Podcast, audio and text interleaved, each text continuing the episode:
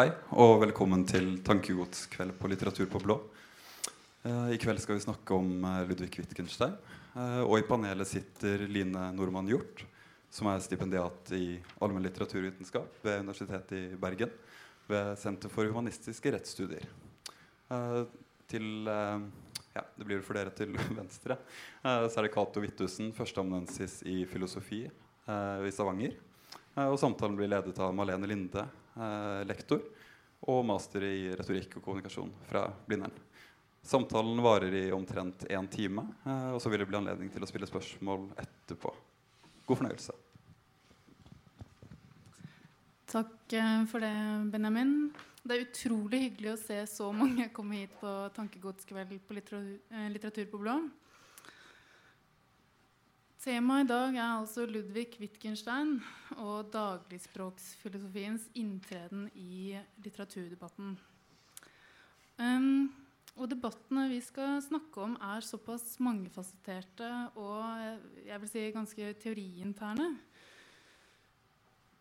Um, så tross Moys oppfordring om å løfte det teoretiske sløret av problemene, så vil jeg gjerne kontekstualisere med nettopp litt teoretisk redegjøring.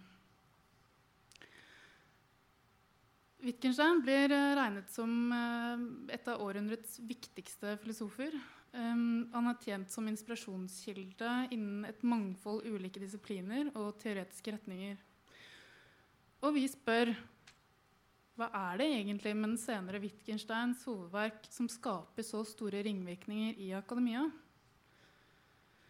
Ettersom Wittgenstein sist ble aktualisert i litteraturdebatten via Toril Moi, så er vi også nødt til å snakke litt om henne og boka hennes 'The Revolution of the Ordinary'. Først litt bio om Wittgenstein. Mot slutten av første verdenskrig, bare 22 år gammel, sendte Wittgenstein et manuskript til sin lærer Bertrand Russell. Verket fikk navnet 'Traktatus logico philosophicus' og ble raskt en hit innen analytisk filosofi. I Traktatus forsøker den unge Wittgenstein etter fire år med krig og intens filosofering å skille det meningsløse fra det meningsfulle. Wittgenstein anså deretter prosjektet som fullført. Han forlot derfor akademia for å undervise i matematikk på barneskolen. Senere dro han i selvutnevnt eksil til en hytte i Skjolden, yes, Skjolden i Sogn og Fjordane. Her skrev han store deler av verket som sikret han en plass som en av de mest sentrale filosofene i vår tids filosofi. Verket ble publisert posthumt og fikk navnet 'Filosofiske undersøkelser'.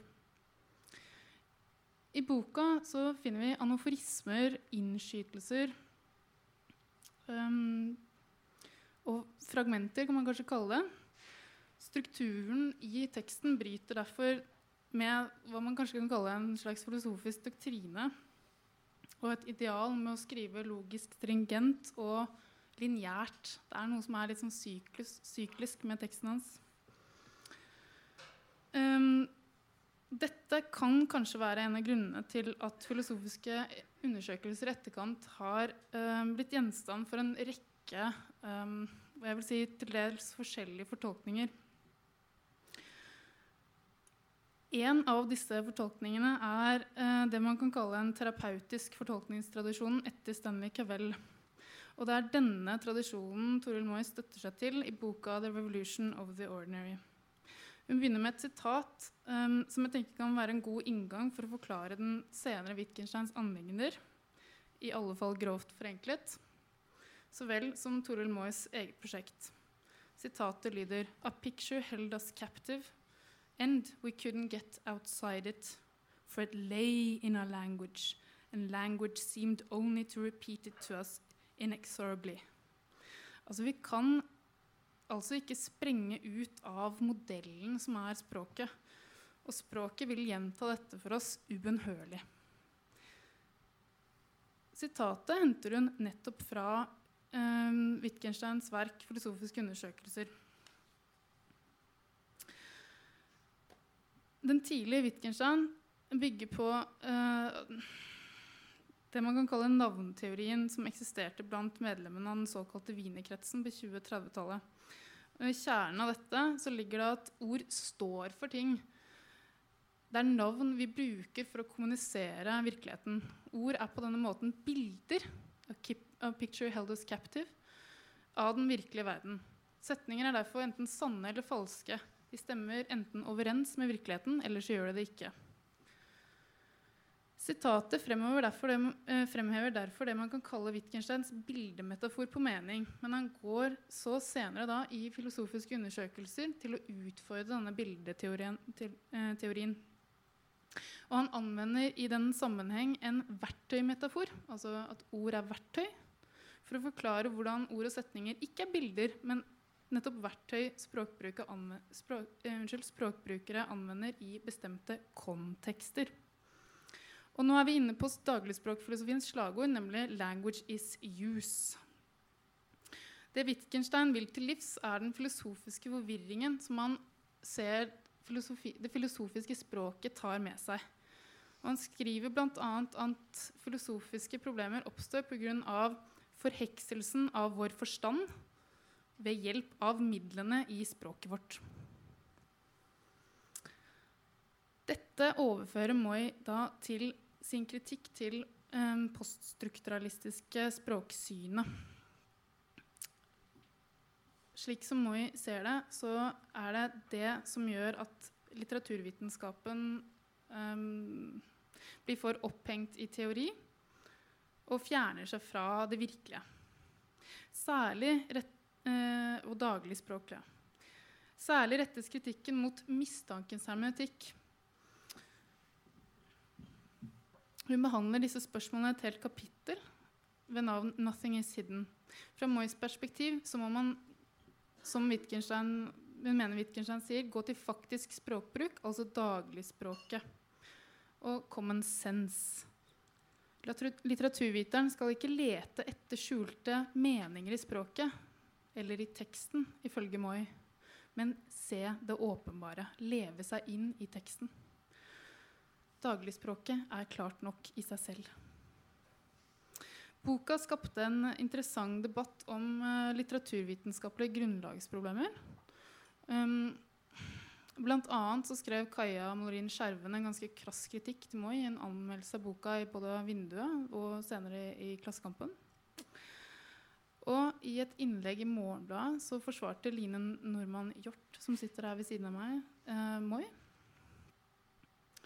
Eh, og her Line, skrev du bl.a. at Wittgenstein var en stor inspirasjonskilde for deg i din hverdag som eh, forsker og språkbruker. Så vil du si noe om hva du oppfatter som misforståelsen uh, Kaja hadde i sin anmeldelse? Ja, jeg vet ikke om man kan kalle det en misforståelse. Jeg kan jo ikke si at hun misforstår bare for hun ikke blir inspirert på samme måte som jeg gjør. Men um, jeg tror jeg reagerte på det jeg kanskje ganske ofte opplever eller støter på i akademiske tekster eller anmeldelser eller mottagelsen av uh, akademiske prosjekter. Uh, at man blir veldig fokusert på hva de ikke gjør, og hva man skulle ønske at de hadde gjort. Som vil passe bedre med det man selv uh, er opptatt av. Um, og det gjør jo på en eller annen måte at man går litt glipp av det jeg opplever at Tore Moi prøver å gjøre. Uh, at man f.eks. ikke blir veldig opptatt av Wittgenstein og hva han kan bidra med, men man blir veldig opptatt av Toril Mois teorikritikk, f.eks. Um, eller, ja, eller de hun, tenkerne hun lener seg på i sin lesning av Wittgenstein. Og akkurat i forhold til det så kan, jeg, kan, kan det hende at jeg har hatt en fordel i den forstand at jeg selv ikke er litteraturviter, og jeg hadde ikke noen kjepphester i forhold til den teorien hun kritiserte.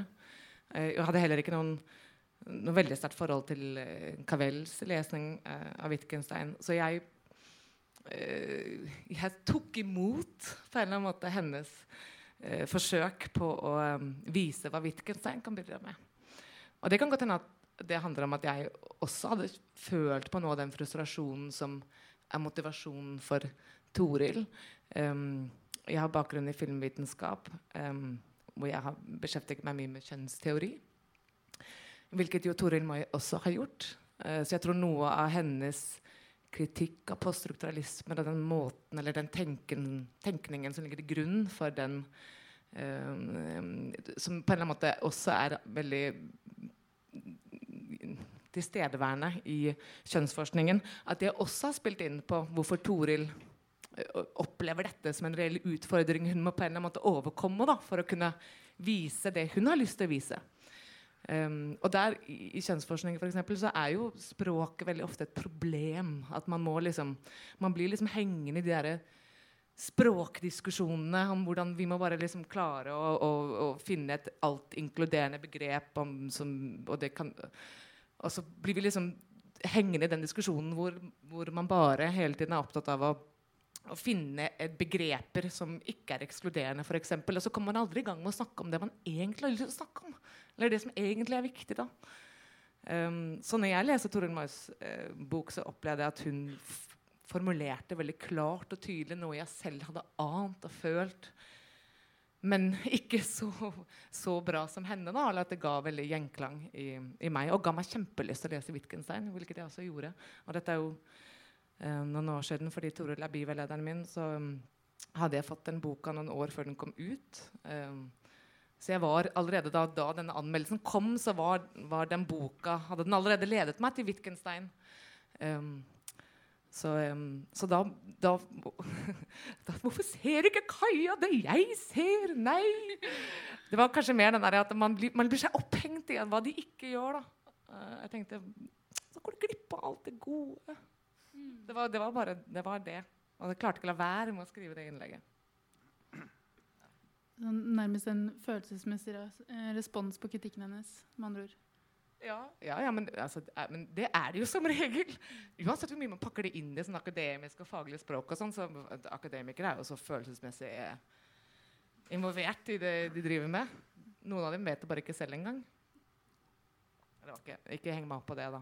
Men, ja. Man må snakke veldig nærmende mikrofoner. så man liksom helt ned. For, for det, ja. Kato, hva tenker du hva, Er det noe du syns er spesielt fruktbart eller, eh, og eller problematisk med Mois eh, prosjekt og Wittgenstein-lesning? Eh, det, det, er veldig mye som er uh, fruktbart med, med, denne, med, dette prosjektet til, til Toril Moi. Uh, og det er også ting som, uh, som har kommet fram eller i noe av kritikken som, som jeg er enig i. Jeg kan jo ta det med en gang at hun kunne nok med fordel ha brukt flere eksempler. hun er jo en veldig god leser. Jeg har lest veldig mye av Toril Moi. Så jeg er litt overrasket over at hun ikke har eksempler på hva hun mener, eller hvordan Wittgenstein, og spesielt har formidlet det gjennom Cavell, eh, eh, hvordan det kan bidra eller være, viktig, være et viktig bidrag til litteraturvitenskap.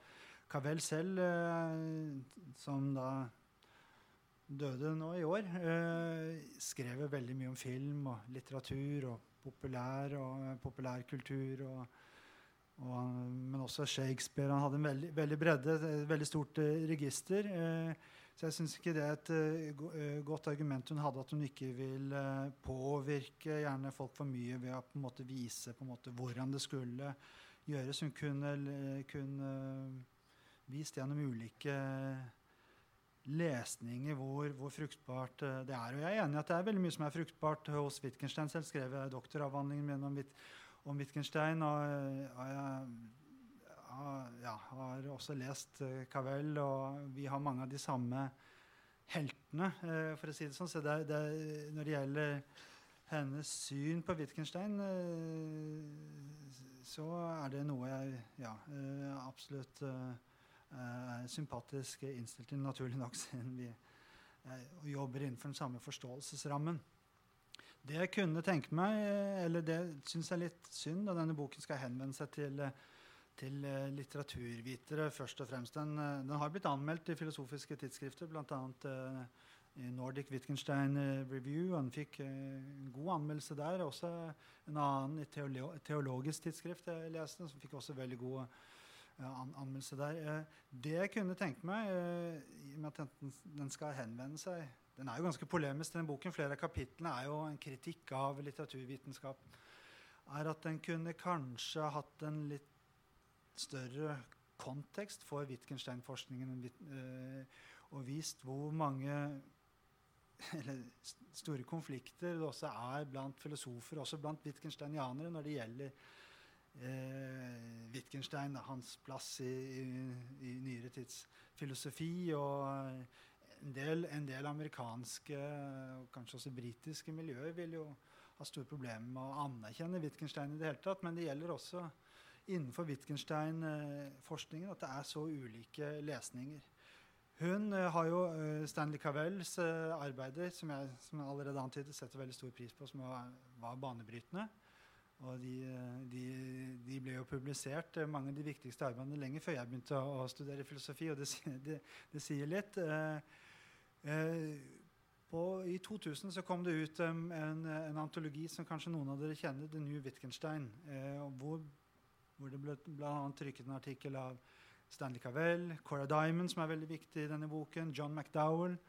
Også en rekke nye, nyere, yngre eh, filosofer som da var inspirert av disse eldre filosofene og som jobbet da videre med et forsøk på å ta Wittgenstein på alvor. og At han ikke utviklet teorier, at han var resolutt når han skriver i, i, i filosofiske undersøkelser at han ikke, det er ikke noe poeng å, å, å utvikle teorier og, og, hypoteser i filosofi, men vi må kunne beskrive, vi må beskrive må, når det oppstår filosofiske problemer, må vi se på måten disse problemene blir satt opp. Vi må forsøke å, å beskrive og inkludere og ha en rikere kontekst, så vil på en måte disse problemene forsvinne. Og ikke ved hjelp av å utvikle en substansiell teori eller en forklaring som skal, skal, som skal hjelpe oss. Jeg kan eventuelt senere komme litt tilbake med konkret hva det består i. Og denne boken denne antologien eh, fikk enormt stor eh, betydning på hele, hele, hele mange år etter 2000, da den kom ut. Og, og, eh, men det var også veldig store, store, motsetninger. Hvor resolutt skal vi på en måte lese Wittgenstein? Skal vi ta ham på alvor? Det var også store diskusjoner om at det var en mye større kontinuitet mellom tidlig filosofien, Traktatus, som sikkert mange av dere kjenner, og den sene filosofien. Eh, tradisjonelt så har jo Wittgenstein blitt oppfattet at han hadde to helt klart forskjellige filosofier. At han utviklet traktatus, hadde ideen om et sånt idealspråk og, og, og, alt sammen. At han løste problemene, filosofiske problemene en gang for alle. Og så sluttet han å filosofere, og så kom han tilbake igjen senere og skjønte at han ikke hadde løst alle problemene osv. Og, så og så var det jo veldig mye diskusjon om at her er det kanskje en mye sterkere kontinuitet hele tiden. Det er mye mindre forskjell da, eh, mellom Jeg tenker noe av den konteksten eh, kunne vært eh, tatt med. Jeg tror det hadde vært mer spennende også for ikke-filosofer å få innblikk i det. Stanley Cavell en, var jo en kontroversiell eh, eh, kontroversiell filosof, filosof, og hans lesninger er kontroversielle. Cora Diamond er jo en som er virkelig verdsatt av veldig mange som holder på med Wittgenstein. Men, og hun er i dag pensjonist og, og ja, har en veldig, veldig sentral posisjon i, i nyere Wittgenstein scholarship, men hun har ikke vært en sentral figur. Hun var marginalisert og hadde store problemer, selv om hun i dag virker så utrolig viktig med å få publisert uh, tingene sine. At uh, kanskje uh, fått fram det. da. Jeg kan komme inn på andre ting. Jeg, bare, jeg har en liten kommentar til deg, da, hvis jeg, hvis jeg får lov. Ja, ja. Eh, veldig kort, altså. Men, men der, der, der, er jeg litt uenig i den forstand at jeg tenker at hvis du skal skrive du, Wittgenstein er jo omdiskutert uh, på alle mulige måter. og Tolkes og forstås veldig ulikt. Og hvis det var det som var prosjektet hennes uh, men, hun, men, vært, men, jeg tenker det er helt umulig når hun satte seg for et prosjekt hvor hun vil vise hvordan hennes forståelse av Wittgenstein faktisk kan endre noe med litteraturvitenskapen, eller måten vi leser litteratur på.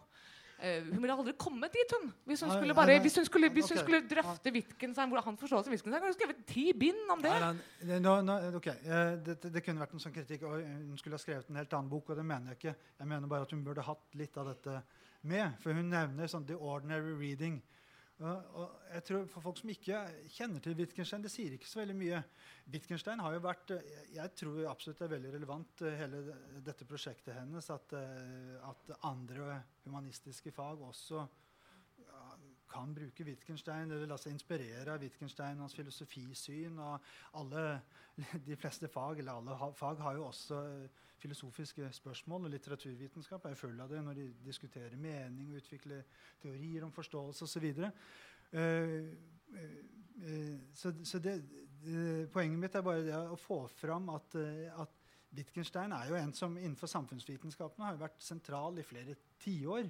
Men der har de på en måte lest han med som en, nærmest en, sånn, en sosiologisk teori om mening, hvordan mening oppstår i grupper, og korreksjon, og vi følger regler, og så blir vi irettesatt, og så, så, så etter hvert så oppstår det praksiser, og så bruker vi ordene på samme måte, og, og så kan du utvikle det igjen og snakke om livsformer og, og relativisme osv. Det har vært én måte å lese Wittgenstein på. Det Hun gjør er jo, hun er veldig opptatt av filosofisynet, og det er noe av det mest kontroversielle også. Veldig mange har lest Wittgenstein, så har de sett bort fra disse radikale tingene han har i filosofiske undersøkelser om at han ikke utvikler teorier og hypoteser. Han ønsker bare å beskrive. ikke sant?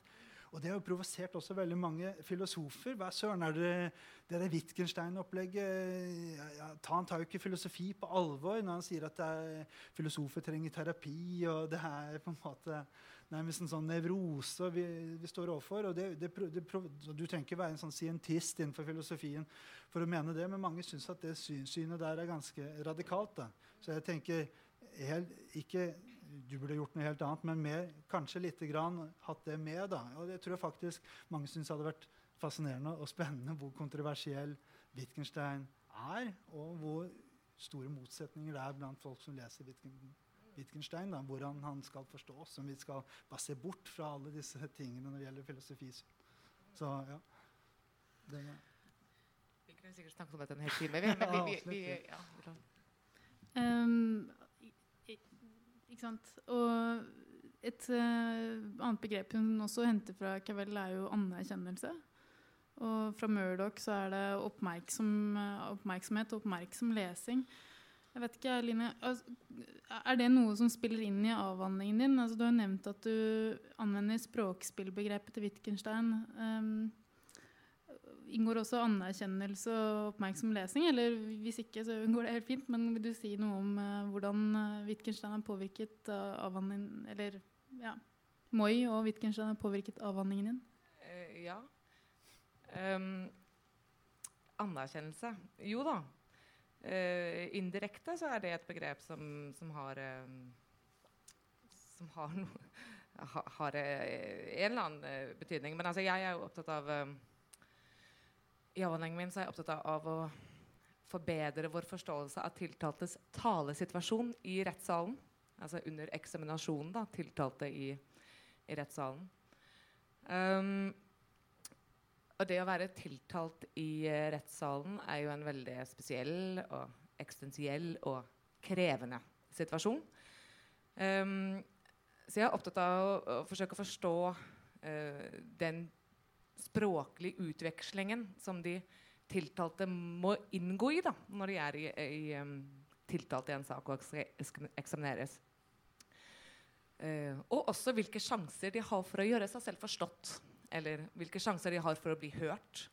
Og i det så ligger det jo, i, selv om det ikke er rettens oppgave å anerkjenne tiltalte, så kobler jo i hvert fall Moi uh, anerkjennelse til å bli hørt og til å bli forstått i, til en viss grad. i hvert fall. Um, og dette leder jo også fram til spørsmål omkring hvordan de tiltaltes håndtering av uh, talesituasjonen i retten Hvordan det spiller inn på vurderingen av dem da, uh, i, uh, i, retten. Altså rettens vurdering av dem.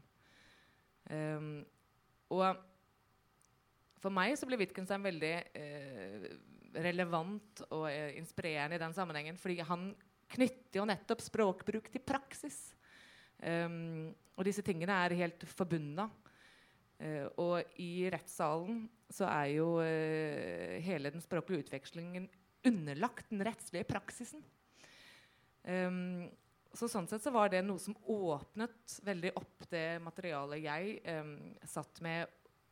Og hvor jeg også ble introdusert til denne type tenkninger på et tidspunkt hvor jeg var litt uh, hva skal man si, rådvill i min egen, i min egen forståelse av det prosjektet jeg satt med. da. Um, jeg hadde en annen um, jeg, Til å begynne med så hadde jeg liksom en tese. Som jeg nevnte før, så kom jeg fra filmvitenskap og uh, fikk denne post... Eller denne Ikke helt ennå. Dette stipendiatet på Senter for humanistisk rettsforskning. Um, og kom dit som filmvitenskaper. Uh, og hadde et uh, formulert prosjekt som, som var på en, måte en liten videreføring fra det jeg drev med på filmvitenskap. Hvor jeg var opptatt av å analysere forholdet mellom kjønn og språk uh, på film. Og så tenkte jeg at det, det vil jeg gjerne undersøke i rettssalen også. Og, og, på en eller annen måte ha, hadde en tese med meg da, fra det prosjektet. Noe om at menn og kvinner bruker språket forskjellig. Og dette hadde jeg på en eller annen måte utarbeidet ut fra en idé om kvinnens erfaring av verden andre. og subjektdannelsen og laka og hele den der, og hvordan vi liksom gjennomgår denne subjektdannelsen på forskjellige måter. Da, som gjør at kvinnens um, måte å tilegne seg språket på er annerledes.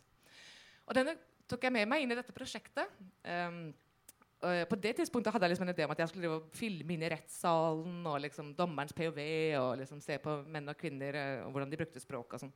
Og Det forsto jeg veldig fort at jeg ikke kunne gjøre, for det var helt uh, urealistisk å få lov til å filme inn i rettssalen. og den slags.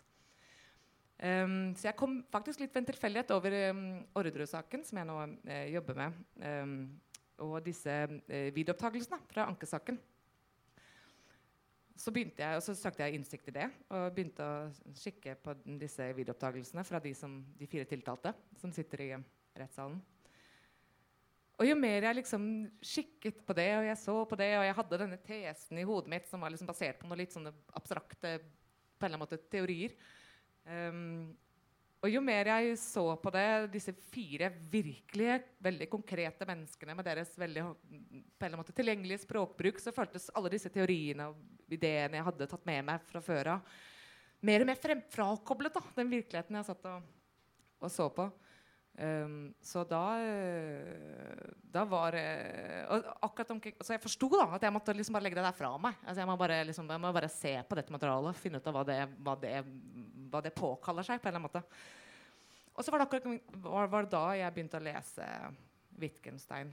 Um, og da åpnet alt seg for meg. på en eller annen måte. Da, da, ja, og det er kanskje litt vanskelig å forklare sånn, uh, uten at jeg skal snakke altfor lenge. Men men det var helt klart denne veldig spesifikke konteksten. Og den rettslige praksisen og de veldig konkrete menneskene. Og veldig mange av hans begreper var, var egnet til å belyse de ulike tingene som spiller inn på den situasjonen. Da. Både livsform og språkspill. og ja, så vet jeg ikke om vi skal, Nå har jeg snakket lenge allerede. om vi skal vente med det med språkspillet. Men vil du si ja. at det er en type tilstedeværelse i situasjonen? Altså at man på en måte må distansere seg fra det teoretiske og det språklige for å kunne gjøre det? Er det så enkelt? Altså, snakker du om meg nå? Min, min sånn ja, Det du beskriver nå. Altså, at uh, vi henger oss opp i teoriene og det språklige, men det er noe faktisk som skjer her. Så la oss være til stede og observere det. Ja, altså, jeg vet ikke hvor er det, er det, så enkelt? Hvor enkelt har det vært til stede? Jeg vet ikke. Men eh, nei, altså for meg var det Det var jo ikke enkelt, for jeg begynte å sette meg inn i Wittgenstein, og det er jo absolutt ikke enkelt.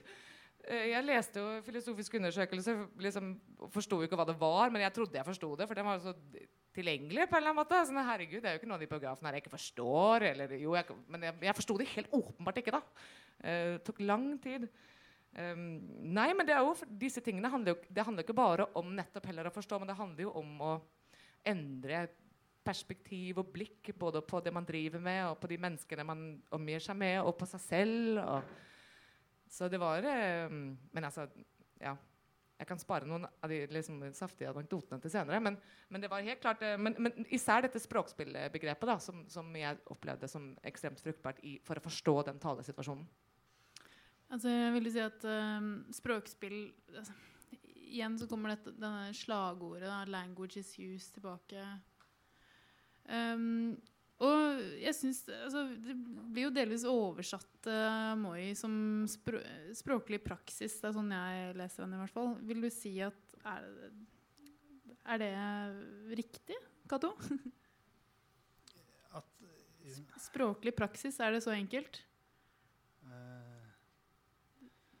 Nei, jeg, jeg, tenker Nei, jeg er litt usikker på hva du mener, men uh, sånn som Moi uh, diskuterer dette meaningens use', så gjør jo hun det veldig i overensstemmelse med Cavell og det jeg snakket om med den resolutte lesningen, hvor det ikke er ment som en teori eh, om at mening blir konstituert av, eh, av, eh, av eh, bruken. At du har, nærmest en, ja, du har en teori om hvordan mening oppstår, men det er mer en, en påminnelse at vi hele tiden må vektlegge omgivelsene, konteksten for der ordene brukes, og eventuelt også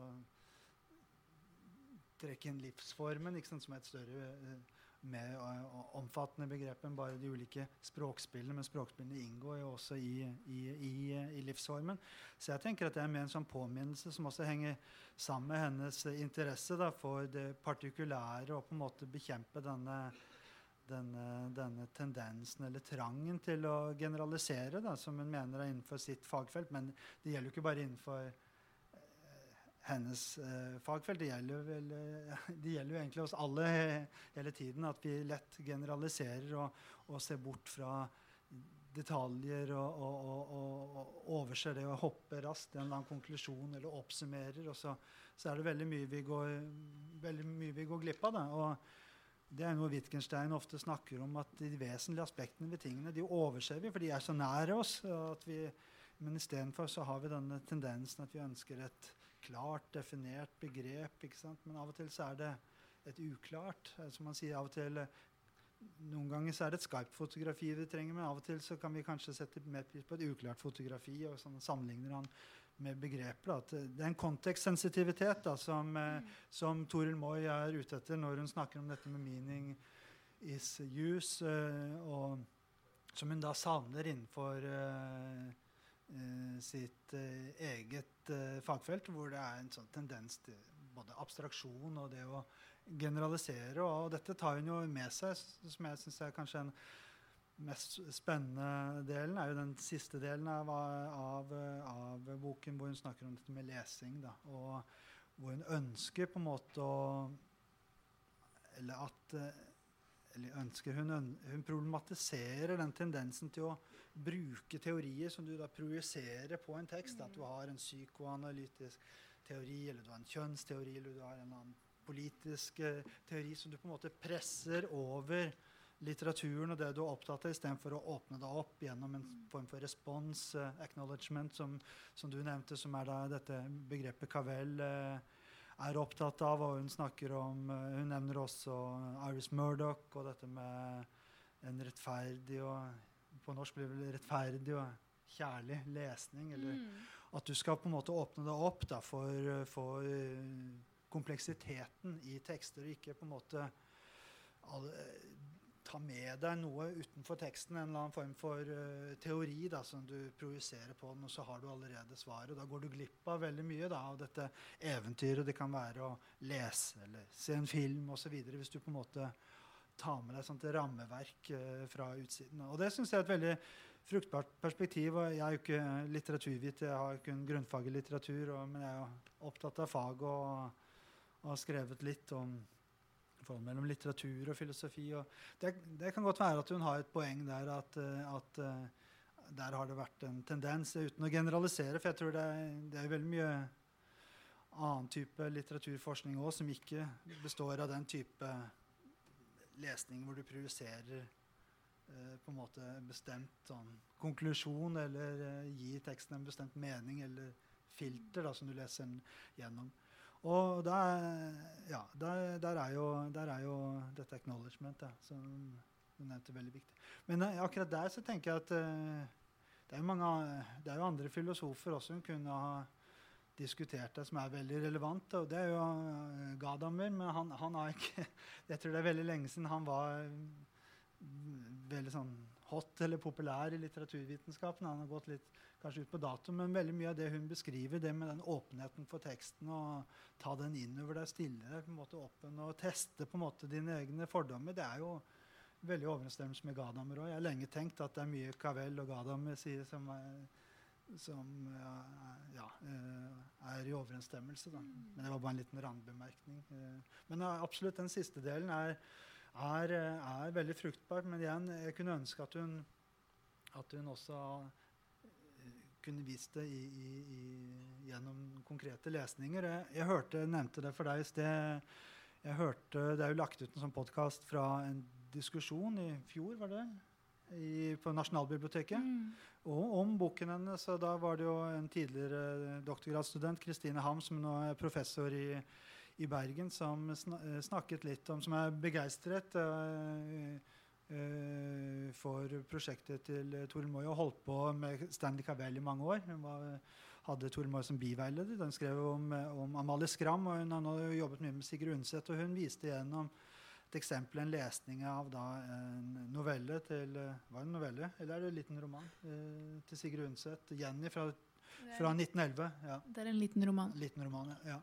Uh, hva som står på spill uh, ved å velge disse ulike lesningene, uh, som jeg syns får fram få fram egentlig hvor mye som ligger i Toril Moys prosjekt ved å på en måte vise til uh, Wittgenstein Cavell og den tradisjonen der, da, som kan være et korrektiv da, ved å sammenligne det med andre typer lesninger eller måter å angripe teksten på, som, som også da, ja, kunne vært med.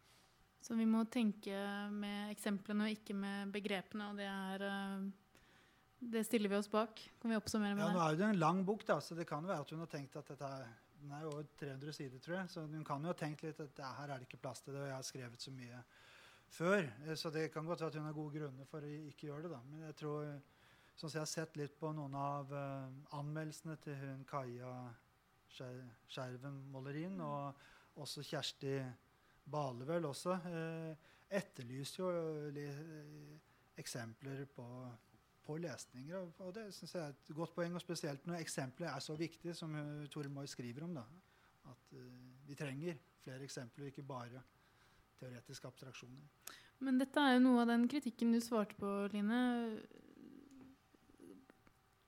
Eh, fordi Kaja la vektla jo i stor grad dette med at hun ikke har nok eksempler. Ja.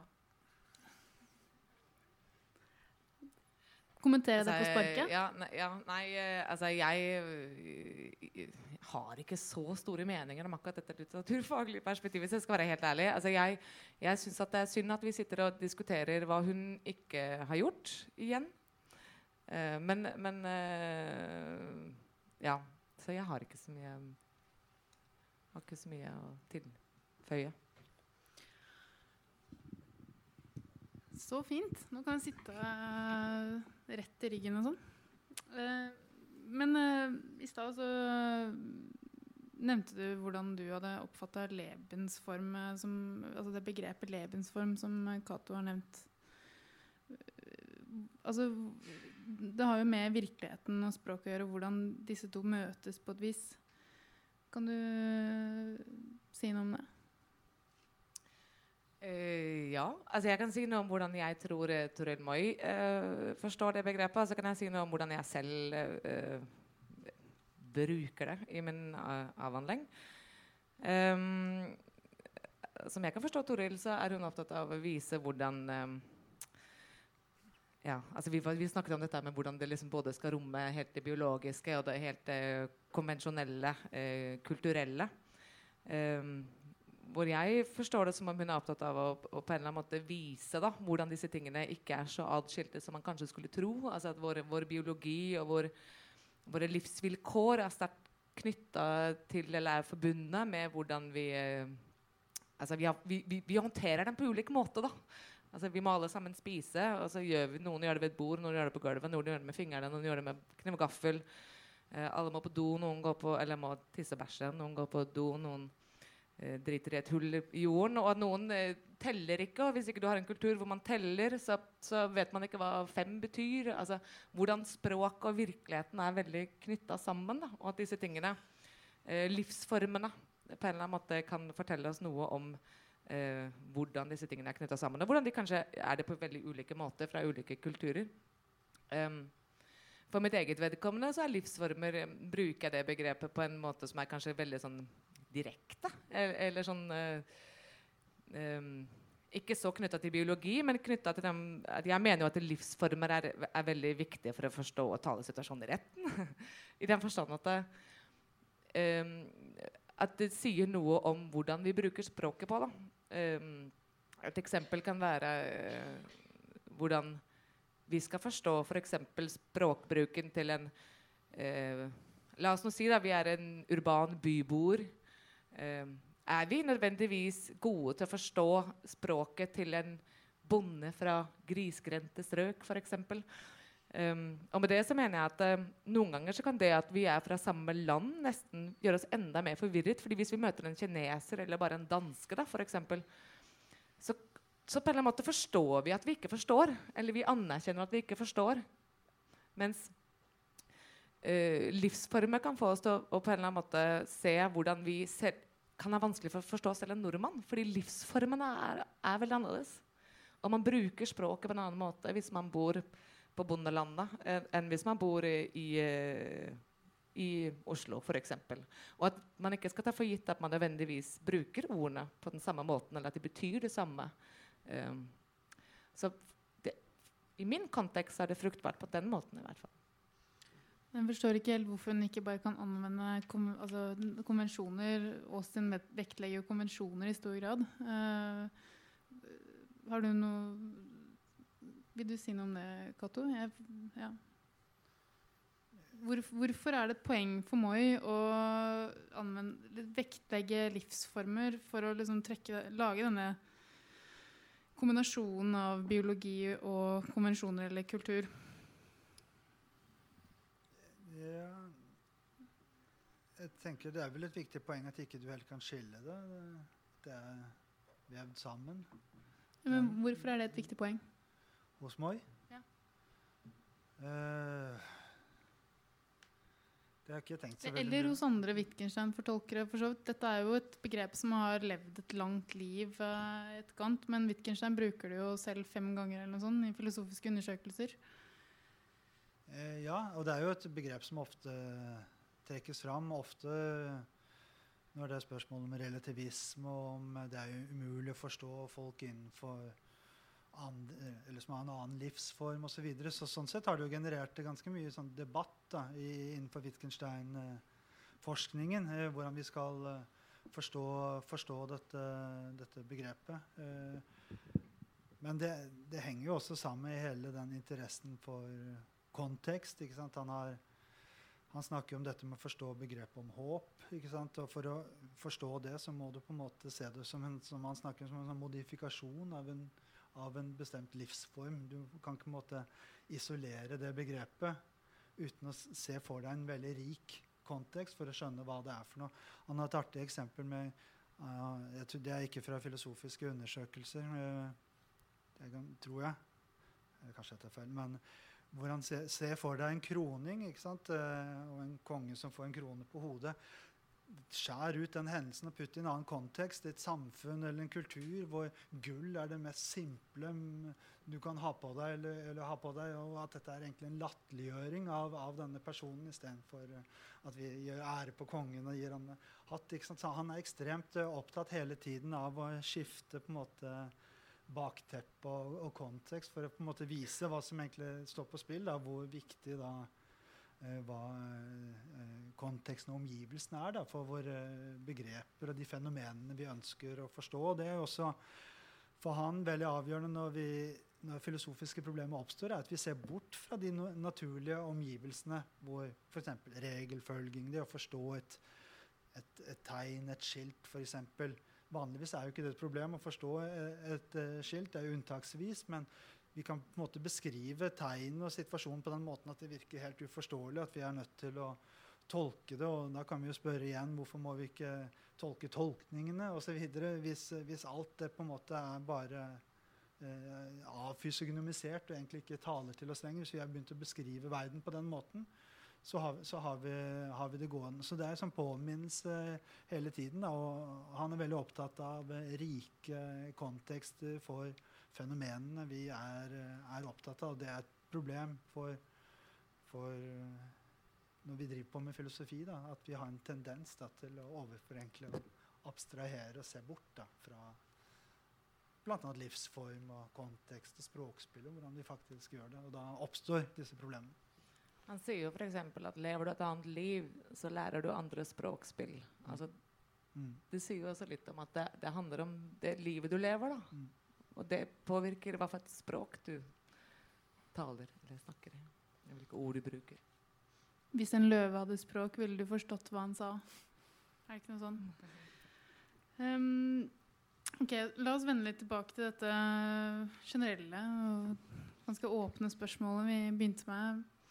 Hva er det ved Wittgensteins uh, hovedverk som fortsetter å skape store ringvirkninger?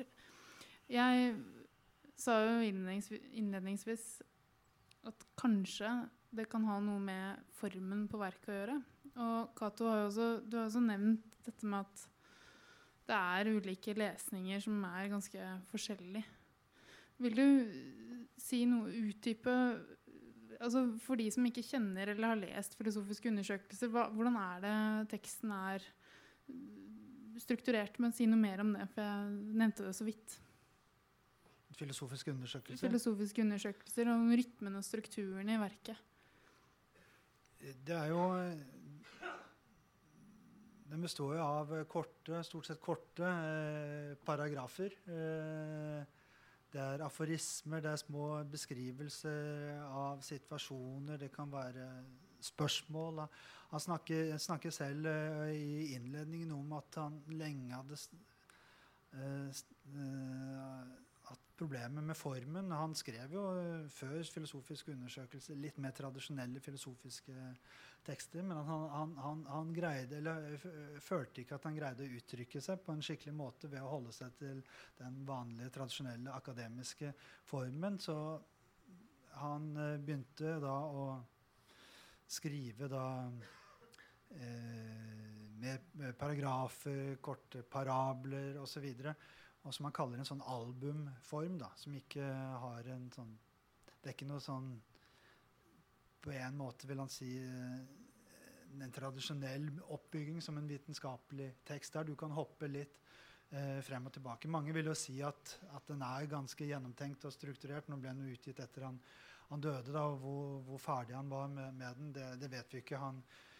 Wittgenstein-arkivet i Bergen, som det er, det er lenge siden de ble ferdig med det arbeidet. Transkriberte jo alle, alt det han skrev. Det var jo over 20 000 sider, mens han, han ut, ga jo ut uh, en, uh, en, en, ordbok for uh, elever i, i, i, folkeskolen i Østerrike da han var der en periode. Underviste, så var det en kortere artikkel om etikk, vel. Og så traktater som ga ut nesten ingenting mens han mens han, eh, mens han, levde. Men han skrev hele tiden han skrev hele tiden nye ting. Var aldri helt fornøyd da, med måten han, han, skrev på formuleringene. Så vi vet jo ikke helt hvordan den endelige versjonen av filosofiske undersøkelser kan ha vært. Men han strevde med formen da, å, finne seg til rette. Og, og var jo veldig opptatt av det, det treffende ord. Hva, hva, består det i? Og en, en, en, formulering som på en måte er dekkende. Eh, det var noe han kjempet uh, kjempet imot språket da, hele tiden som en ja, motstand. Men det du sier, ja, formen er jo veldig, er veldig spesiell. Mange vil si den har en litterær eh, kvalitet. Veldig mange har funnet det fascinerende at, at selve, selve, formen, diktere, kunstnere, konseptualister eh, eh, Kosut var, var, opptatt av, av Wittgenstein. Eh, diktere som Perloff har vært opptatt av, av Eh, Jon Fosse her i, i, Norge har jo vært veldig opptatt av det. Eh, eh, så det er vanskelig. Jeg kunne fortsatt å snakke veldig lenge om akkurat formen. for det, det, er så mye å si om den, da, men Jeg kan si noe om oh, Sorry. Ja, nei, men ja, gjør det, så kan jeg nei, jeg bare når, altså, Knut Olav Åmås har tatt på seg jobben å telle hvor mange spørsmål som er i filosofiske undersøkelser. Og det er efter sigende 784 spørsmål. Og så er det 110 svar. Og 70 av de 110 svarene er åpenbart ment å skulle være feil. Og jeg tenker Det sier veldig mye om formen, faktisk. fordi det, han stiller spørsmål, altså Hele prosjektet som jeg leser det, er å få leseren til å tenke selv. Altså han hele tiden kommer med eksempler på situasjoner og stiller spørsmål som gjør at de får ingen svar. Alt handler om at leseren selv skal gjøre seg opp en mening. Leseren skal lære seg å tenke og avklare hvorfor man har de oppfattelsene man har. Um, og det tenker jeg For meg er det veldig mye av det som er så inspirerende med hans filosofi. At den er så, og, er, og at han selv er så opptatt av um, altså At det ikke handler om å komme med argumentasjon eller påstander. Og det handler ikke om de er sanne eller falske. Men det handler om å vise noe, beskrive noe, få noen til å se noe på en annen måte. Utfordre de perspektivene man har i forveien. Um, og det syns jeg han gjør på en måte fordi man hele tiden blir sånn, litt sånn og, altså, slått av hans måte og, og de eksemplene Han er så, ber, eksemp, han er så beredvillig med eksempler hele tiden som, um, som presser leseren til å selv på en eller annen måte skulle gjøre seg opp en, en mening av hva, eller prøve å forstå hva det er egentlig han vil si. da. Um, så det er en veldig åpen tenkning, tenker jeg. Um, uh, og på mange måter så er det uh, altså, For Wittgenstein som tenker ellers, som jeg leser han i hvert fall, er jo veldig uh, opptatt av denne forpliktelsen til tenkningen. Altså det man forbinder liv og tenkning. da på en måte som gjør at man ikke um, tenker her, altså lever man her. Og ofte så kan man jo jeg vet ikke om det sånn, er, Min opplevelse kan være at det liksom er en sånn Ikke for sånn bare snakke dårlig om den akademiske verden, sånn, man liksom har en sånn, man tenker her, og altså lever man her, Og så altså disse tingene er helt atskilt liksom, fra hverandre. Men hos han så er det så det er så tett forbundet. da, man, Det handler om å ikke bedra seg selv. Og da skal du ikke bedra deg selv faglig, men du skal heller ikke bedra deg selv personlig. Så du blir hele tiden nødt til å på en eller annen måte forsøke å se på en ny måte ikke bare, både på deg selv, men også på de spørsmålene du hele tiden stiller til deg selv. Og jeg tenker jeg kommer aldri til, altså For meg så var det der hvor jeg liksom falt for Wittgenstein, det var når jeg leste at han sier et filosofisk problem er, Eller jeg vet ikke om han som skriver det, eller om det er noen som skriver det om han. Men et filosofisk problem er et filosofisk problem for noen. Og det oppstår bare i en konkret kontekst. Og hvor ofte møter man på det i filosofihistorien? Det er Filosofiske problemer eksisterer her oppe, liksom. Men det gjør det ikke hos han. De eksisterer. Du må ha et filosofisk problem. Altså, Descartes satt oppe i vinduet sitt og syntes han opp masse Hvordan vet han om alle disse menneskene nede på gaten er virkelige mennesker? Kanskje de bare er automater eller roboter som går rundt og har de kjøtt og blod som er selv. Hvordan vet han om han selv eksisterer? for den saks skyld? Men var det et reelt problem for han? når Han gikk i butikken. Eller snakket med barna sine. Jeg vet ikke om han hadde noen barn da, men altså, opp, De var vel mennesker for han allikevel. Det var et problem som var konstruert her oppe. For, meg så er Wittgenstein han er, han, Det må være noen som opplever disse filosofiske problemene. Men har Toril Moi et filosofisk problem? Eller anvender hun uh, Wittgenstein ja, og Cavell som uh, måte å jeg kan ikke svare på om Toril Moi har et filosofisk problem. Men, men, hun har vel hatt et problem med hvordan hun opplevde at litteraturvitenskapen på en eller annen måte eh, leste. da, Eller at litteraturvitenskapere tror at de liksom Eller de glemmer at de bare leser. på en eller annen måte. Og så har vi ulike begreper for hva den lesningen er. da. Men det vi gjør er jo at vi leser, og så har vi oss selv med i den lesningen. og Vi må avklare det forholdet vi har mellom oss som mennesker, alle de investeringene og interessene vi har og hva det verket vi står ovenfor. Og Noen ganger så kommer man med veldig mange forutinntatte holdninger og teorier og ting som preger det, den lesningen. Um, så, men altså jeg, jeg, vet ikke om han har et filosofisk problem. Ja, men, men professor i litteratur ved Universitetet i Tromsø, Anniken Greve, har jo på Nasjonalbiblioteket, som du nevnte tidligere, Kato, så var hun ganske polemisk mot Moi, hvor hun sier at Moi har ikke den samme sykdommen som det Wittgenstein hadde. Så Derfor så trenger man ikke den samme terapien heller. Um, er du enig i den kritikken? Og bare jeg tenkte på at for Nå har vi snakket om at det er, sant, det, er liksom det metafysiske Det er en sånn erkjennelsesproblematikk, nærmest. Og så overfører Moi dette til å lansere en slags ikke-teoretisk teori. Er du enig i det? Går det an å overføre på den måten Moi har gjort? Fra Wittgenstein til Moi? Overføre Overfø altså, konteksten Wittgenstein skriver filosofiske undersøkelser i altså, der er jo Han er jo så plaget av dette, og han prøver å finne en løsning ut. Og det er snakk om problemer med filosofien. Hvorpå I Mois tilfelle så er det snakk om problemer i litteraturvitenskapen. Så tenker jeg at Er det, er det mulig å overføre det sånn som Moy, Moy gjør? Eh, litt, litt, usikker på, på hvor du vil hen, men jeg har hørt uh, den kritikken som uh, som kom fra Greve. det der med, med terapi og, og, problemet, det blir jo Jeg vet ikke. jeg tenker det er ikke så, så relevant, men det er helt klart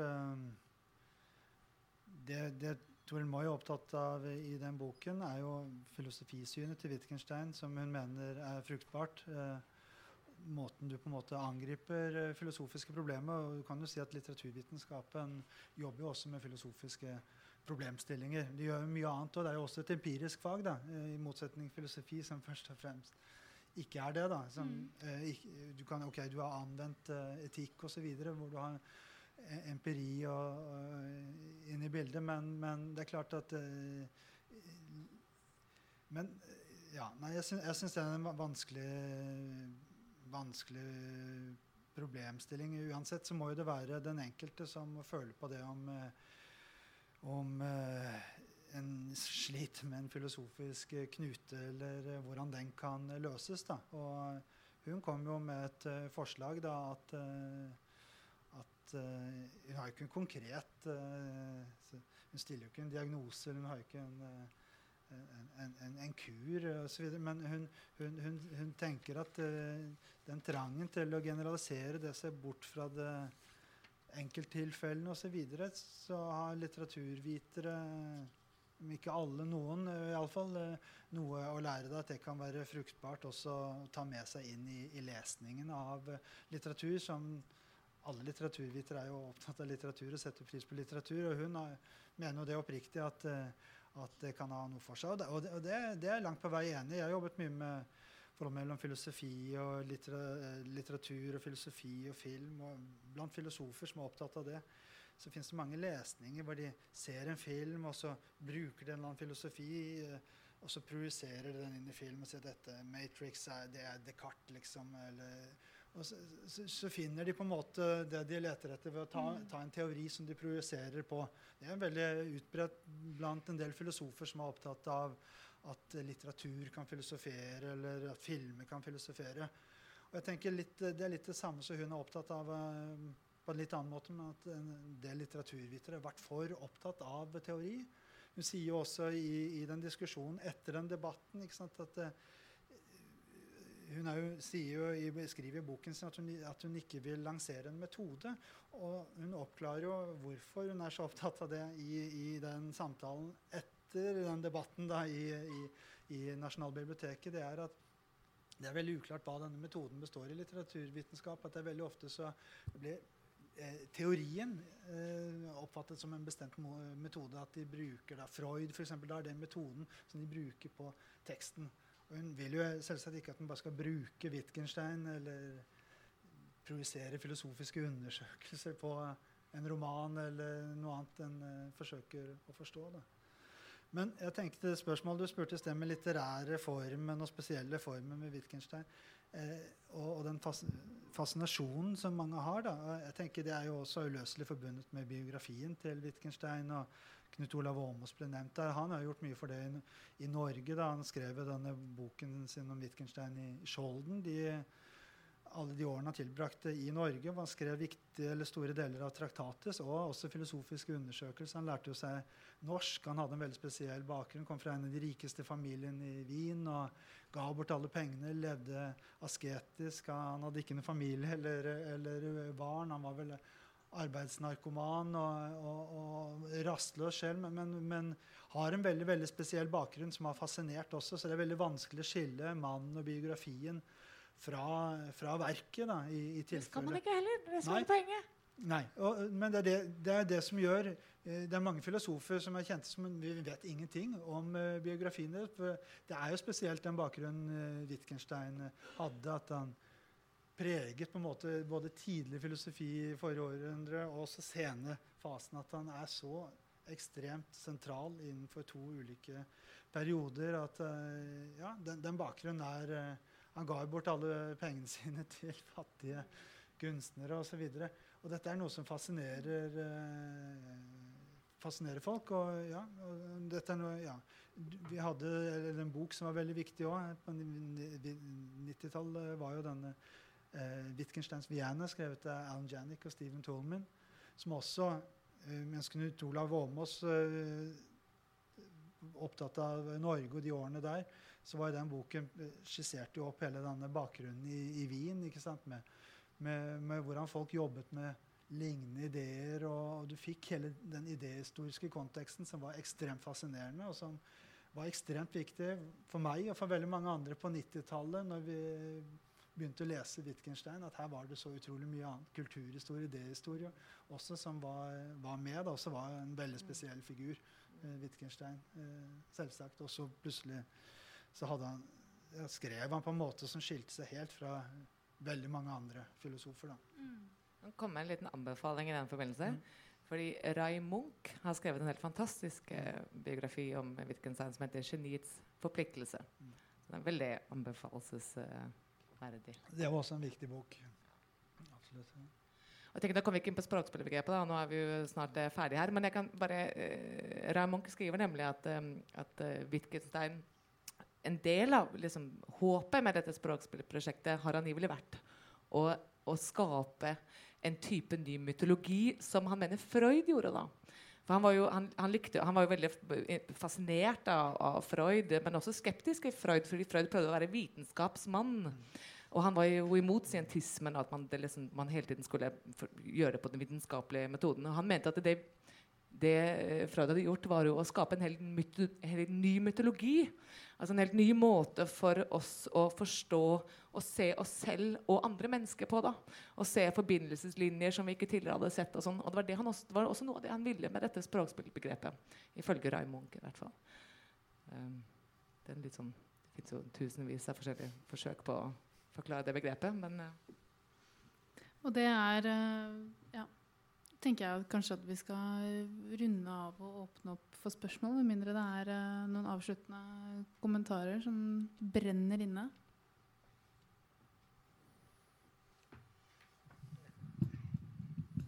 Nei uh, Kommentarer? Nei. Uh. Det blir sikkert kjempespennende å høre hva dere ute i salen har av spørsmål. Ja, så hvis det er noen spørsmål, så kan, eh, kan dere enten bli, bli, sittende, eh, så kommer jeg bort med mikrofonen, eller så kan dere komme opp hit. Det er lov å tenke litt først. Ja, et spørsmål der. Er det et bak der òg? Ja, gjerne.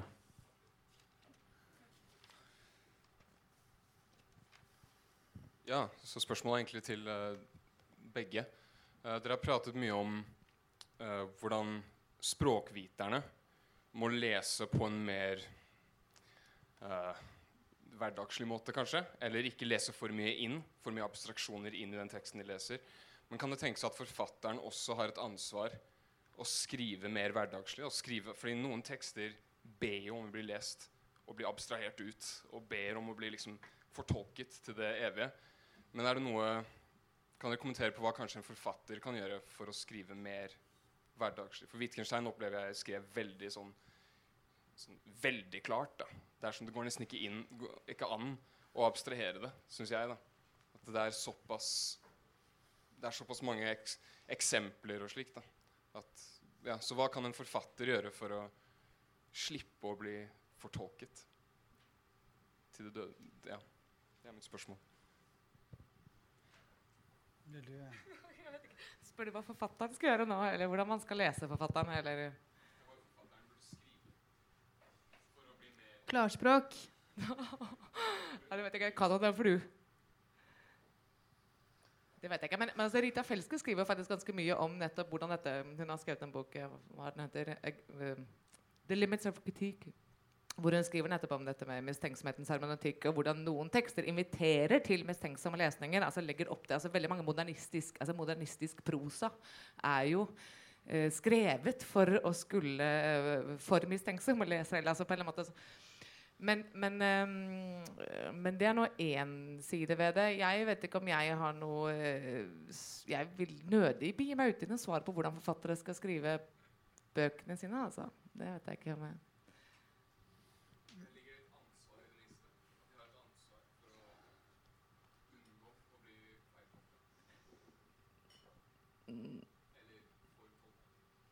Nei, altså en forfatter må jo stå for det har, de har skrevet. Og så må de jo tillate alle slags type tolkninger, tenker jeg. De, men, altså, men, tenker du på sakprosa eller skjønnlitteratur nå? Mm. Jeg tenker det er en vesentlig forskjell der. Nei, altså Forfattere må leses på alle de måtene de blir lest. Og det tror jeg de er utmerket klar over. tror jeg. At uh, Her kan jeg ikke drive og ha kontroll på tolkningen av teksten min. Nei. Nei, tror, tror du det? I hvert fall ikke skjønnlitteratur, kanskje. Ja. ja.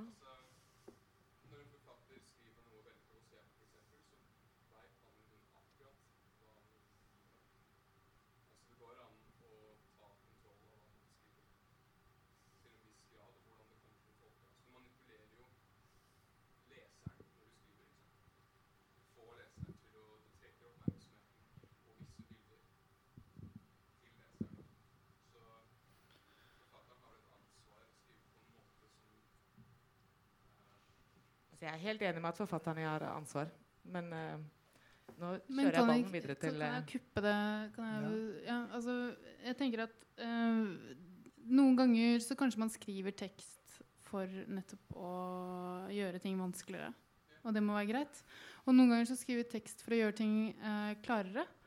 Det, men så det, det, blir to ulike mål, ikke sant.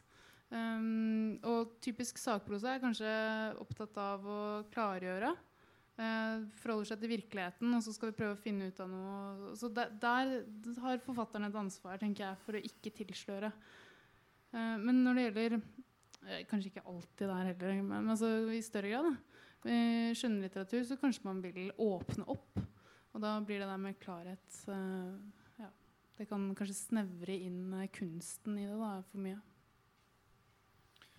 Uh, hvis vi går tilbake til Tore Moi, eh, så er hun veldig opptatt av eh, teori, hvordan den ofte er unødvendig vanskelig og nærmest ugjennomtrengelig. Og det er noe hun eh, kritiserer. Og samtidig så, så, er jo ikke det at en ikke bruker terminologi eller vanskelige ord, noen garanti for at det er lett. Wittgenstein, selv om du nevnte vel Wittgenstein, skriver på en måte veldig konkret, men det er jo veldig vanskelig å lese likevel. Eh, og finne ut egentlig hva poenget ofte er, eller hva vil han med dette. Vi, vi forstår ordene. Det er ingen eh, det er ikke tung terminologi. over søren er det dette her er for noe? Her må jeg lese meg opp. Men eh, det, det, det, er vanskelig i sin, i sin konkrethet. Da. Når det gjelder skjønnlitteratur, så tenker jeg så er det vel ikke noe poeng å lukke det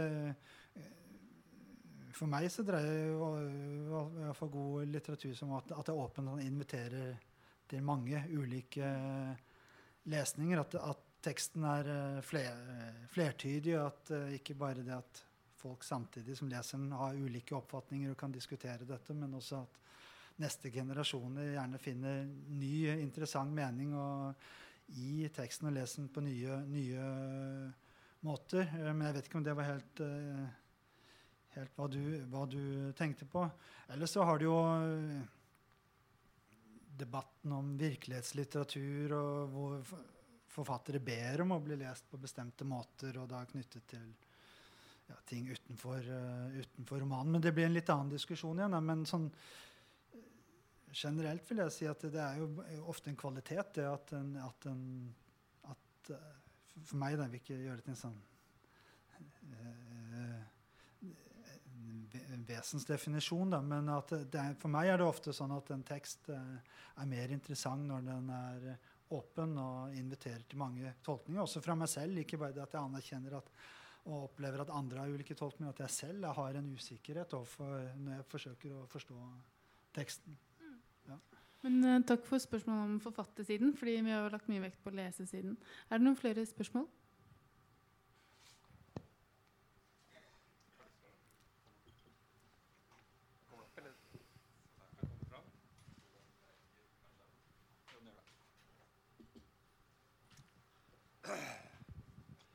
Jeg heter Jon Langdal. Jeg er ingen kjenner av Wittgenstein. Jeg har bladd litt, bare. Men jeg hadde en, eh, kjente en gang eh, en eh, amerikansk Wittgensteinianer som het Alan Jannik. Han holdt til i Innsbruck lenge. Han var i USA før, før det. da. Og jeg spurte han en gang om Wittgenstein betrakta sin egen filosofi også som et språkspill. Altså, det her går på konsistensen i Wittgensteins uh, filosofi. Da. Det han svarte, det var følgende Ifølge Wittgenstein så er language language is a place. Og det syns jeg ikke er så mye å bli klok av. Um, for det første, det må finnes andre ting enn play her i verden. altså spill. Wittgenstein deltok jo i første verdenskrig ute i felten. Var det språkspill som offiserene drev der ute i krigen? Altså, i hele tatt kanskje Hvis du skal være filosof av format som må ha et eller annet tak på virkeligheten og ha begrep om virkeligheten og så vidt jeg skjønner, han bruker ord som uh, former, altså livsformer. Han bruker uh, liv, hva heter det? praksis og så videre. Og så videre. Men det er liksom um, Uten ontologi altså, så blir språkfilosofi ganske håpløse greier, sånn som jeg ser det. Jeg har ikke mange spørsmål, jeg vet ikke om jeg kan ikke holde på for lenge. Hva var spørsmålet egentlig? Ja, Hva betrakta uh, Wittgenstein sin egen filosofi som et språkspill, altså blant andre språkspill? Altså noe relativt? Det er jo en viktig del av hans filosofiske metode. Da. Det sier han jo selv. Å på en måte lage En ting er at vi mennesker vi spiller ulike språkspill, men også, det er også en del av metoden å, å, å skissere og beskrive uh, måter språk brukes på, da, som han kaller uh, språkspill. Da. Han kan beskrive da, en situasjon, og så kan vi tenke igjennom hva, hva vi får ut av det. da. Uh, når det gjelder spill uh, han Janik tenkte jo sikkert bl.a. på at det er en aktivitet. Det er ikke noe statisk, det er noe vi, noe vi gjør. Noe som også er veldig viktig for, for Toril Moi, som han antagelig har hatt i tankene. Og ofte så er regler inne i bildet. Men nå er det verdt å tenke på at akkurat spill er jo så avgjørende i, i, i denne analysen eller paragrafen hvor han snakker om familielikhet. Wittgenstein i filosofiske undersøkelser bruker han akkurat begrepet om spill. At vi ikke skal, det er ikke mulig å gi en entydig definisjon av det. det alt, tenk, vi må tenke på alt det vi kaller spill. Noen spill spiller vi alene, noen spiller vi sammen. Noen spill er det avgjørende om du er viktig å vinne eller tape osv. Det, det, det, det er ikke én på en måte essens i spill. Det er så mange ulike måter vi, vi spiller på på. Og vi må på en måte eh, la han invitere oss istedenfor å forsøke å oppsummere og gi en bestemt definisjon. At vi åpner øynene opp og ser alle de mulige ulike fenomenene i livet vår eller innenfor vår livsform som vi er villige til å kalle spill, og hva, og hva det går ut på. Det, og det er nettopp det også Moi snakker om, å på, være villig til å se på det, på det partikulære, gå inn i det, det konkrete, ikke sant? istedenfor bare kaste seg på en eller annen definisjon eller teori som på en måte begrenser på en måte den, den kompleksiteten. Da. Spill, f.eks. Hva er forskjellen og likheten mellom å spille tennis og spille ludo, f.eks.? Kan vi sitte og tenke gjennom det? Eller, eller monopol? Krig? Men altså, ja. men altså, han var jo i, i, Du tenker på da han var i første verdenskrig ute på fronten i den østerrikske hæren. Men dette var jo da han skrev Tratratus. Altså, det skjedde jo veldig mye med Wittgensteins tenkning fra det tidspunktet til så, så. Men Tenker du at krig kan være et spill? Er det det Ja, ja, ja. ja, ja.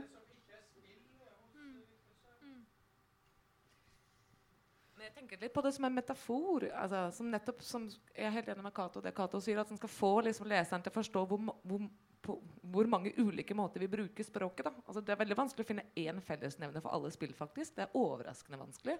Og det er det som er hele poenget. At uh, Vi kaller alt sammen spill, men, vi, men, det er, men det er veldig ulikt. Derfor inviterer han oss også til å tenke på det som familielikhet når vi snakker om disse begrepene. At uh, to spill gjerne har lik nese, og noen har likt blikk, og andre har kroppsholdning, og andre har lengden, og noen har uh, og så videre, størrelsen på ørene osv. Så sånn kan vi se en sånn slekt ikke sant, med overlappende Ingen er helt like, men det er overlappende ting da, som man tenker også begrepene ofte har. da. Kan jeg si en ting? fikk meg til I filosofiske undersøkelser så er det et sted hvor han har laget en liten krusedull. Og så rett under så står det eh, Når du så den, så tenkte du på en A, ikke sant? Eh, og det er, ja, Apropos familielikhet og skrivestilen hans. Apropos krusedull, han sier jo et annet sted, ikke filosofisk undersøkelse, filosofer er som barn.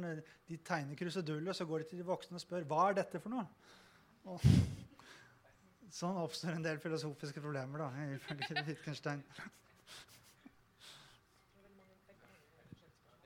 Jeg skal ta andre spørsmål fra, fra salen.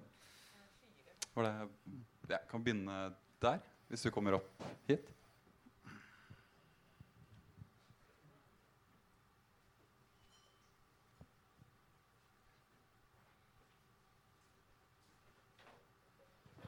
Takk. Hei. Det, dette blir litt mer fra samfunnsvitenskapen sin, eh, sin avdeling. Um, særlig dette med tekstkontekst. Altså, dere har nevnt en del, altså, snakket litt om kontekst og, og bakgrunn, hvor, hvor, på en måte eh, altså, Mitt eget problem da, med, med, med, med, samfunnsvitenskap har vært det at, at, at eh, vi henter mening fra bak, bakgrunnen et eller annet sted. Og, det, og, for meg så har Wittgenstein alltid vært en fyr som prøver å få meg til å slutte med å gjøre det. Ikke gjør det. Ikke, ikke, gå bak der og tro at du skal hente noe bak der. og det, da jeg leste Toril Moi sin tekst, så, så, opplevde jeg det at det, det, det, sier hun også at vi ikke skal gjøre. Men heller prøve å lete etter den sammenvevdheten og prøve å jobbe oss ut ut av noen sånn veldig fundamentale problemstillinger. Altså objekt, subjekt, natur, kultur, Tekst, kontekst.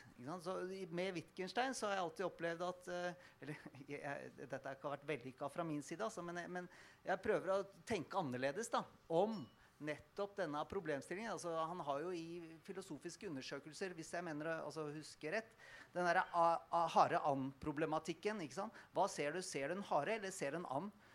Og det er liksom aldri Det, det funker ikke med sånn tekst-kontekst-problematikk eh, for å løse det. Altså, du ser en hare, eller så ser du en and. Og det har noe med Hvor står du? Altså, det er perspektiv. Eh, og, og, og, for meg så dreier det seg om perspektiv. Altså hvor står du i verden og, og ser noe?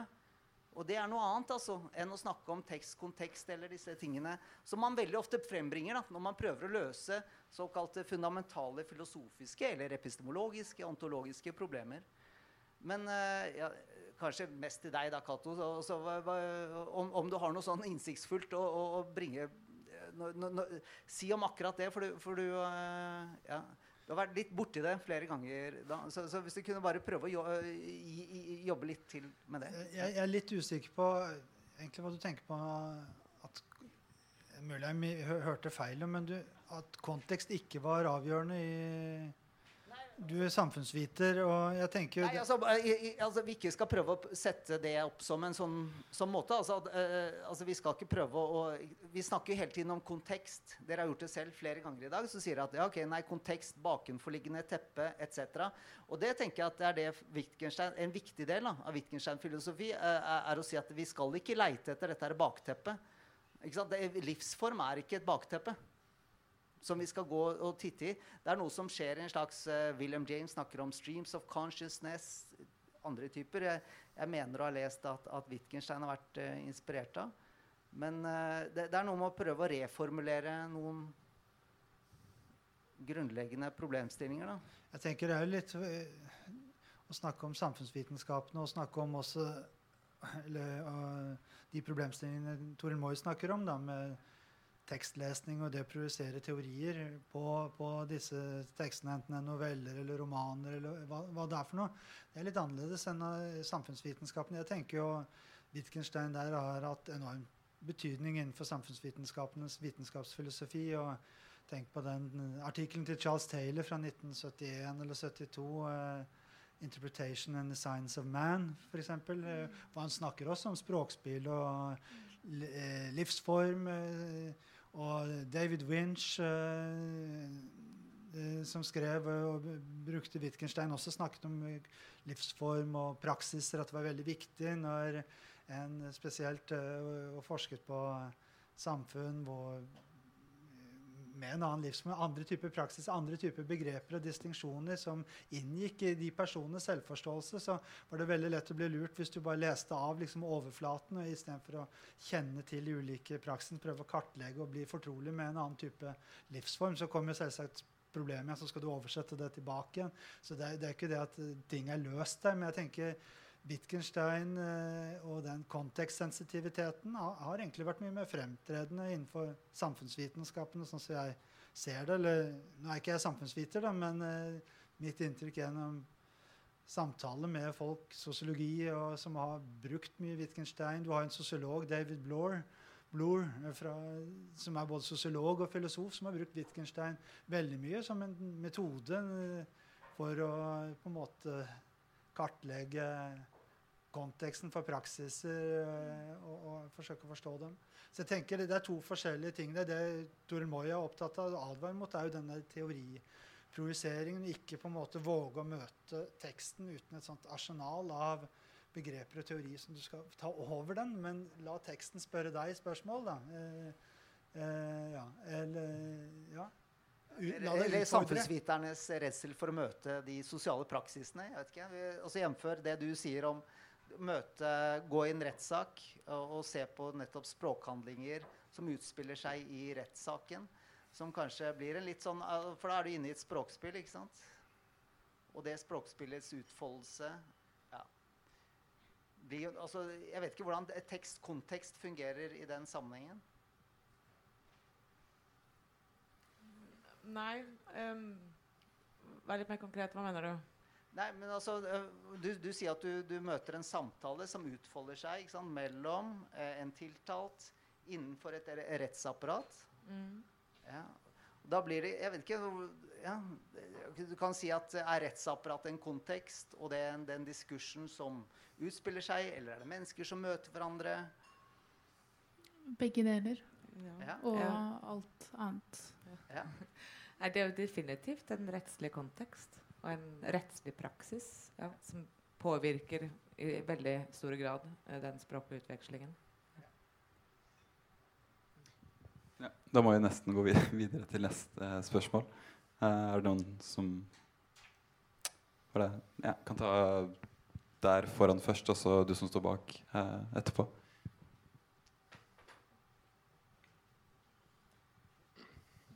Ja. Um, Nei, for jeg bare lurer på at uh, Kan man sette inn uh, Wittgensteins uh, filosofi i østlig filosofi? Fordi østlig filosofi der snakker veldig mye om nået og livet er som et spill. Så det er, sånn, liksom, det, er, det er ikke så mye kontekst, det er veldig enkelt. Litt som hvordan Wittgenstein skriver det. Så jeg lurer på om Har jeg noen kommentar om hvordan de to forskjellige filosofiene kan settes sammen eller og tolkes på lik måte.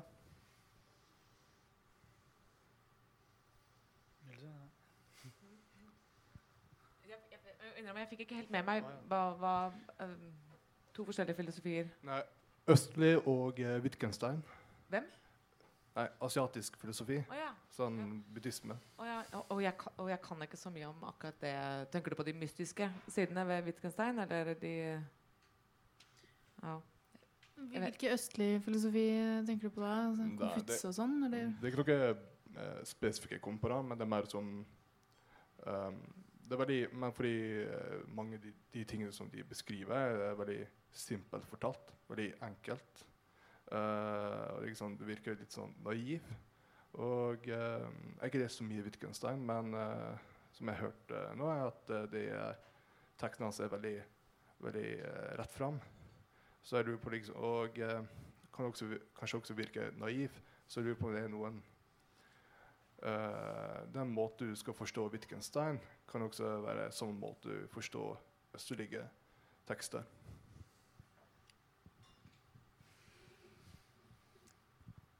Jeg tenker i hvert fall hva jeg forbinder med Kan jeg prøve meg på den her? Altså, hva jeg forbinder med østlig filosofi, så handler det mye om å se innover, kan man kanskje si. da. Uh, Wittgenstein har, behandler det der uh, altså Det er jo en slags metafor, da, fordi du har en sånn rommelighet der. Du ser innover.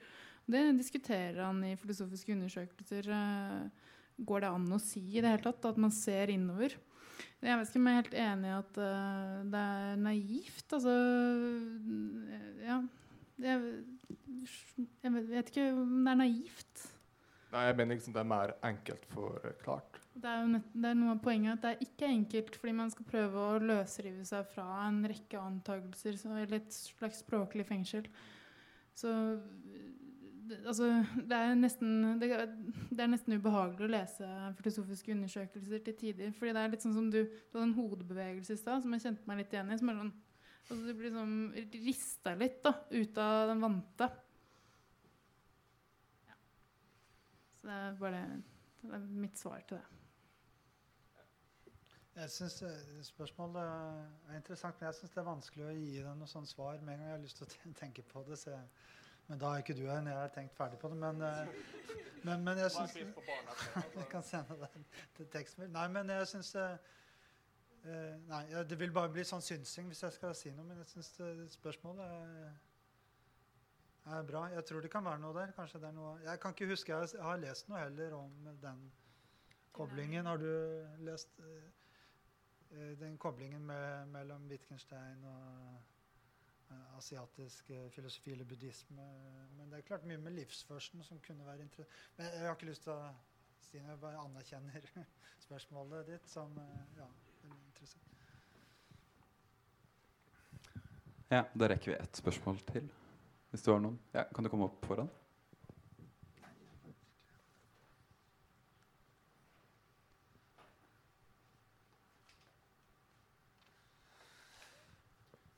Hei sann.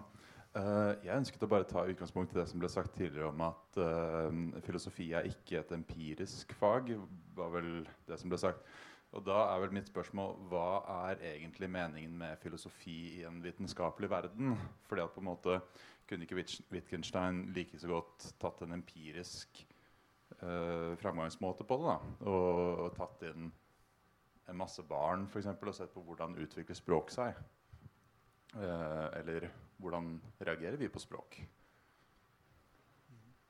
Nå er det jo mange som har forsøkt å lese Wittgenstein som en nærmest en empirisk teori du kan ikke teste, men som iallfall har den statusen at det er en teori som er sann eller falsk. Men Wittgenstein vil jo tenke dette er mer som en uh, begrepslig tilnærming og i det hele tatt uh, som jeg nevnte innledningsvis, eh, når vi står oppe for filosofiske problemer, så dreier det seg ofte om måten vi beskriver situasjonen som gjør at vi føler at noe er et stort problem. F.eks. hvordan er mening overhodet mulig? Wittgenstein ønsker å gå tilbake til og se hvordan, vi, hvordan er det vi beskrevet ting som i utgangspunktet er meningsfulle, som gjør at dette behovet blir så stort at vi ønsker en generell eh, forklaring. Men det spørsmålet du stiller, er jo, er jo veldig viktig dette skillet mellom eh, filosofi og empirisk eh, vitenskap. Og det går jo også rett inn på hvorvidt vi trenger filosofi. Mange vil jo si at vi ikke trenger filosofi. Vi trenger ikke X-Fill eh, som en type refleksjon. Eh, noen vil jo si at filosofien er en del av den empiriske vitenskapen. Andre vil si at den er noe som går forut for. At med en gang du har en empirisk metode, så har det sluttet å være filosofi, vil jo noen si. Eh, at, eh, at, veldig mange av de moderne vitenskapene har jo springer ut av filosofien, men med en gang de finner metoder og, og, måter å løse problemene på, da, eh, som ikke lenger er bare begrepslige, begrepslig avklaring og analyse, men faktisk noe som testes ut, og, mm.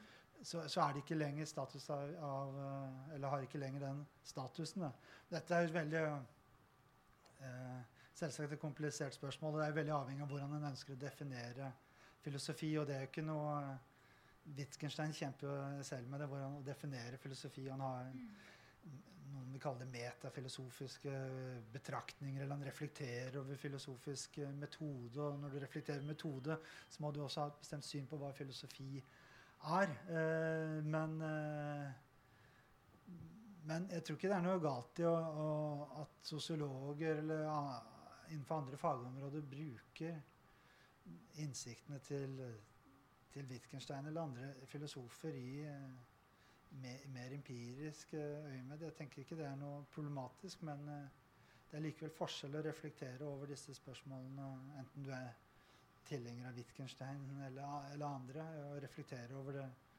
på filosofiske premisser enn å teste det ut som en empirisk hypotese. Det, blir, det er litt eh, andre spørsmål.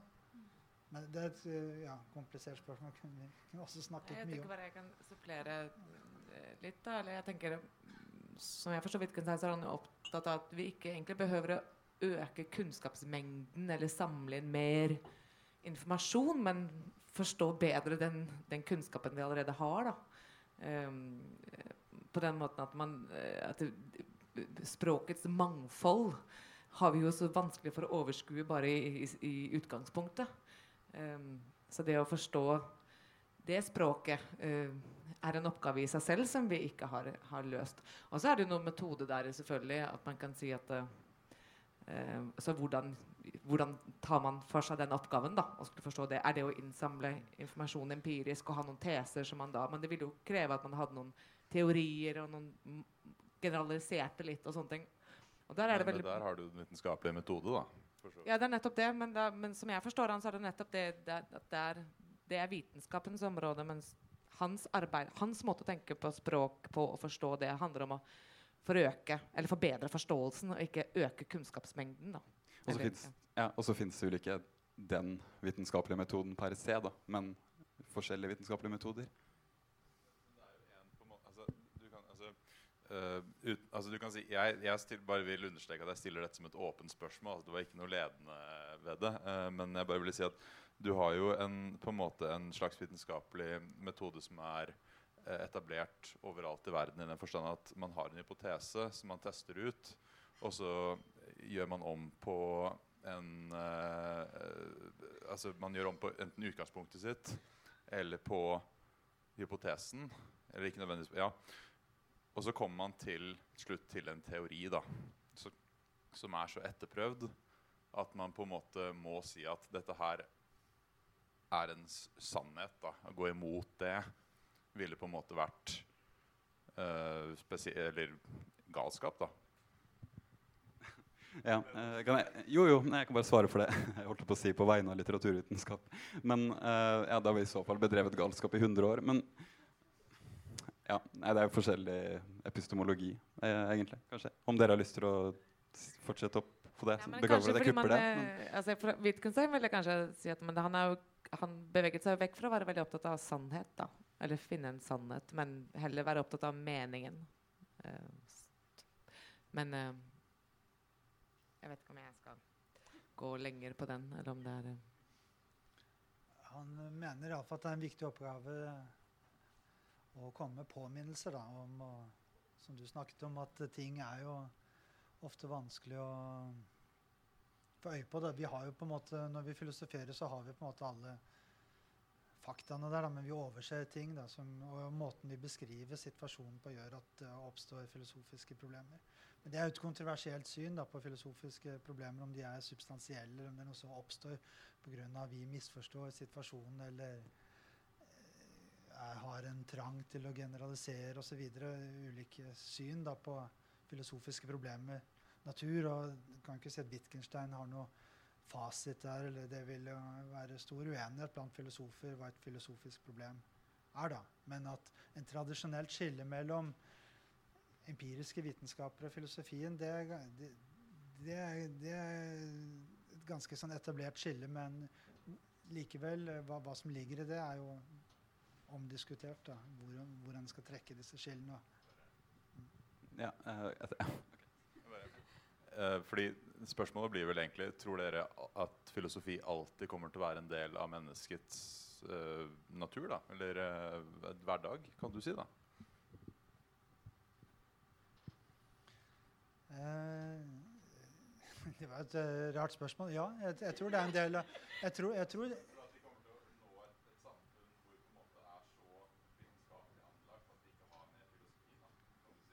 at ikke det er flere filosofiske spørsmål igjen. Alt er blitt nei. Jeg, jeg tror vi vil alltid stille spørsmål. Eller alltid, hva, hva betyr det for noe? Eller jeg tror Jeg kan ikke Hva er mening? Jeg- Hvorfor er vi her? Men jeg tror det ligger dypt dypt det er i, liksom sånne i dypt i menneskets natur å stille spørsmål vi ikke greier å besvare. Det snakker jo Kant om også. Det Wittgenstein er opptatt av. Mange filosofer har vært opptatt av det. At vi er på en måte plaget og dømt til å stille de spørsmålene vi ikke greier å, å, å besvare. Og når de eventuelt besvares, så er de endret natur. eh, Ikke sant? Jeg tror, ikke det, ja, jeg tror ikke filosofi blir avviklet om neste år eller, eller om ti år. Eller, jeg tror det, ja. Jeg tror det, ja. Det ligger dypt i oss mennesker å stille de spørsmålene. Mm, Forskningsrådet? Jeg tror også Wittgenstein sier eh, at det er nesten en livsbetingelse å stille de spørsmålene. Altså, ja, sier det i hvert fall er veldig, veldig grunnleggende. Ja, kanskje vi skal runde av, eh, runde av med det. Eh, vi har et nytt arrangement igjen på torsdag om seksualitet i barnelitteratur. Eh, så da må dere gjerne komme da også. Okay. takk. Takk til panelet.